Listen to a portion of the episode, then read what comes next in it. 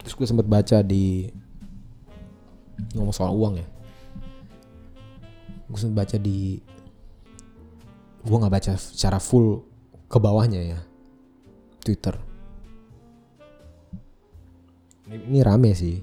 Dia bilang umur 30 harus gimana sih kalimatnya? Harus punya ya? Apa gimana umur 30 harus punya 1 M. Bodoh amat lah tai bilang. Ya emang kenapa kalau gue punyanya 990 juta terus gue nggak nggak nggak nyampe nggak mencapai requirement yang lo bilang gitu? Terus kalau gue punya 999 juta 500 ribu ya gimana gitu? Kalau menurut gue nggak nggak mesti uh, umur 30 punya harus punya 1 m. Maksudnya mungkin dia berniat kalau lu mau hidup enak dan nyaman. Mungkin. Mungkin ya ini menurut gue nih. Ini gua ini gua anggap mau ngebela dia aja lah. Bukan bela sih maksudnya kayak kita ambil netralnya aja. Mungkin menurut dia mau enak dan nyaman.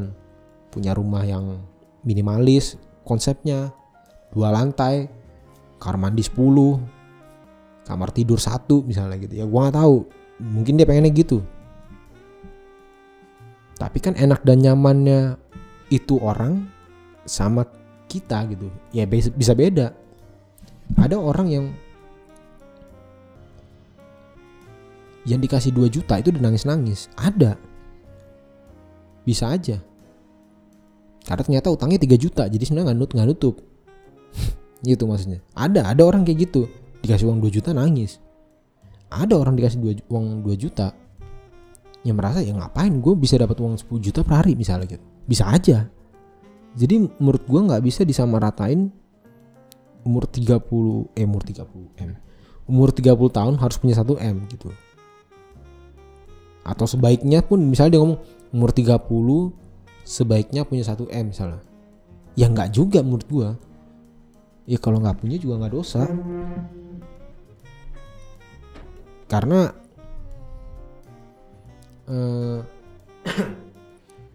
karena itu gue selalu ah gue pernah gue nggak tahu nih baca gue lupa baca di mana. Ceritanya si inilah. Colonel Sanders dia punya Kentucky Fried Chicken KFC lah gitu ya. Setelah dia masa pensiun dari militer jadi kalau nggak salah gue lupa nih ceritanya tuh dia tuh kan orangnya militer awalnya AU AL AD gue juga nggak tahu dah tuh. Nah terus dia itu eh, akhirnya inilah pensiun lah gitu udah pensiun. Nah dia tuh buka tempat usaha ayam goreng uh, untuk si militer-militer ini lah maksudnya militer ini kalau mau makan ya udah makan makan ayam goreng ini itu kayak gitu awalnya dan ternyata terkenal. Sampai bisa jadi brand ya akhirnya sekarang jadi KFC maksudnya dari cerita itu kan yang di yang gua waktu gue baca ya jadi intinya bahwa uh, kesuksesan seseorang itu nggak bisa sama ratakan akhirnya umur segini harus sukses nih umur segini harus ya si siapa? Colonel Sanders pun suksesnya di umur-umur dia umur berapa? Kok nggak salah umur 60-an apa? Dia akhirnya punya brand sebesar itu apa 50-an gue lupa deh. Atau J.K. Rowling yang kayak pengarang Harry Potter. Dia itu kok nggak salah aduh gue lupa nih janda apa bukan ya? Kok nggak salah anaknya itu dua kok nggak salah. Dan hidupnya tuh kalau salah udah lumayan susah. Ya akhirnya sukses dengan novel yang dia rilis gitu.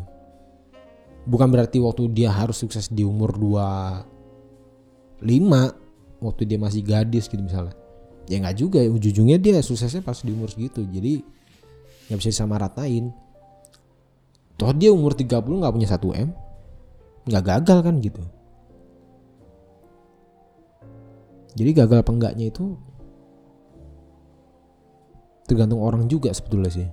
Kadang ada orang ya mungkin misalnya dia merasa kalau gue nggak punya satu m ya gue gagal gitu. Ya bisa aja nggak nggak masalah. Kalau lu merasa itu achievement buat lu ya silakan tapi kalau nggak nyampe ya jangan desperate juga gitu. Kadang ada orang ada orang kayak gitu kan.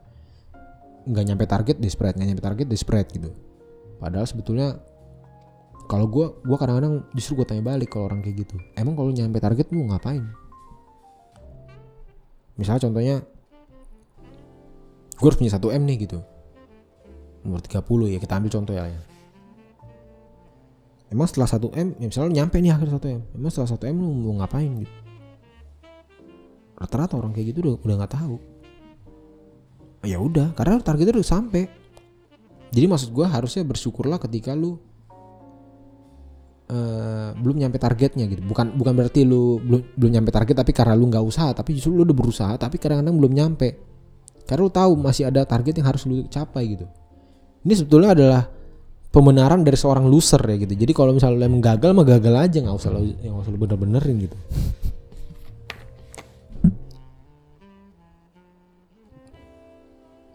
Dulu dah. Capek juga ngomong sendiri. Anjir udah sejam ya? Gokil sih ada gue dua jam lagi. Blunder nggak ya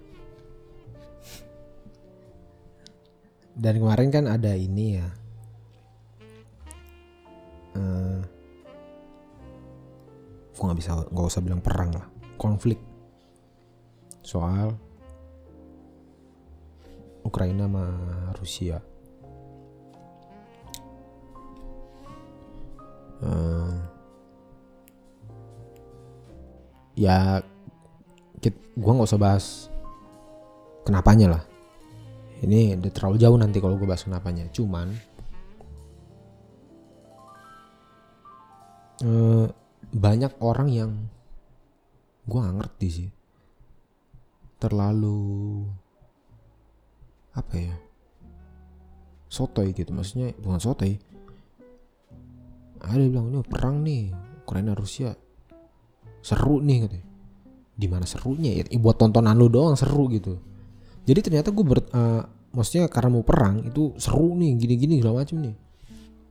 Lu tau gak sih kalau kenalan di film Amerika nih sering nih ditampilin kalau veteran-veteran perang yang ternyata kayak ke mana-mana megang pistol terus mau nembak temennya gitu. Lu pasti pernah lah nonton-nonton film kayak gitulah yang aduh judul filmnya sniper ya si Bradley Cooper itu nggak salah main. Dia tuh veteran perang.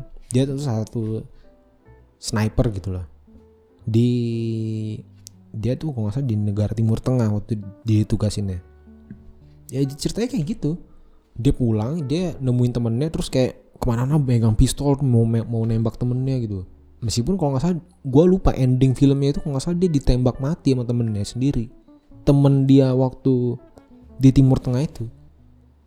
Karena mereka trauma sama bunyi tembakan lah inilah segala macam gitu seru nih. Masih gue nggak ngerti ya komentar orang yang bilang seru nih apalagi komentar apa NATO gabung inilah. Ini maksudnya apa sih? No action talk only atau apa nih maksudnya gitu? Ya ini segala macem gitu. Maksud maksud gue uh, ternyata gue pernah baca juga gue waktu baca ada si ya gue nggak nggak tahu namanya siapa. Jadi salah satu orang Amerika gitu. Dia meng apa bahasanya? Volunteer volunteer. Dia me, diri dia untuk ikut tugas gitu. Tapi gue nggak tahu tugasnya di mana gitu. Entar timur tengah atau di Afrika tuh gue nggak tahu. Entah di pokoknya dia ikut tugas lah gitu. Jadi dia dia tuh mau ikut tugas gara-gara dia ketagihan main Call of Duty COD lu ya lu cari aja game Call of Duty itu game perang-perangan gitu lah ya gitulah segala macam. Dia tuh ketagihan game itu gila banget. Sampai akhirnya dia merelakan diri dia untuk oke okay, gue jadi volunteer gue jadi militer gitu. Dia rela ditugasin ke Timur Tengah gitu. Kalau nggak salah Timur Tengah ingat gue akhirnya dia tuh kalau nggak salah waktu ditugasin itu ngelihat temennya sendiri ditembak mati depan dia. Tapi di ini ya di di apa ya bilangnya ya? Di tempat udah di timur tengahnya ya maksudnya. Jadi ada temen satu campnya dia tuh apalah bahasanya satu unit. Ya asik kata Amerika banget tuh. jadi ada satu satu camp gitu mungkin ketembak gitu. Meninggal. Itu orang hampir langsung minta dipulangin.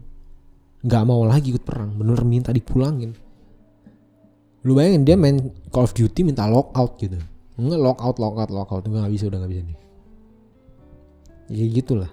Jadi nggak bisa lu bilang oh seru nih ini lah inilah ya lu karena nggak nggak ikut perangnya. Kalau lu ikut juga gemeter-gemeter juga itu pasti gue yakin gitu.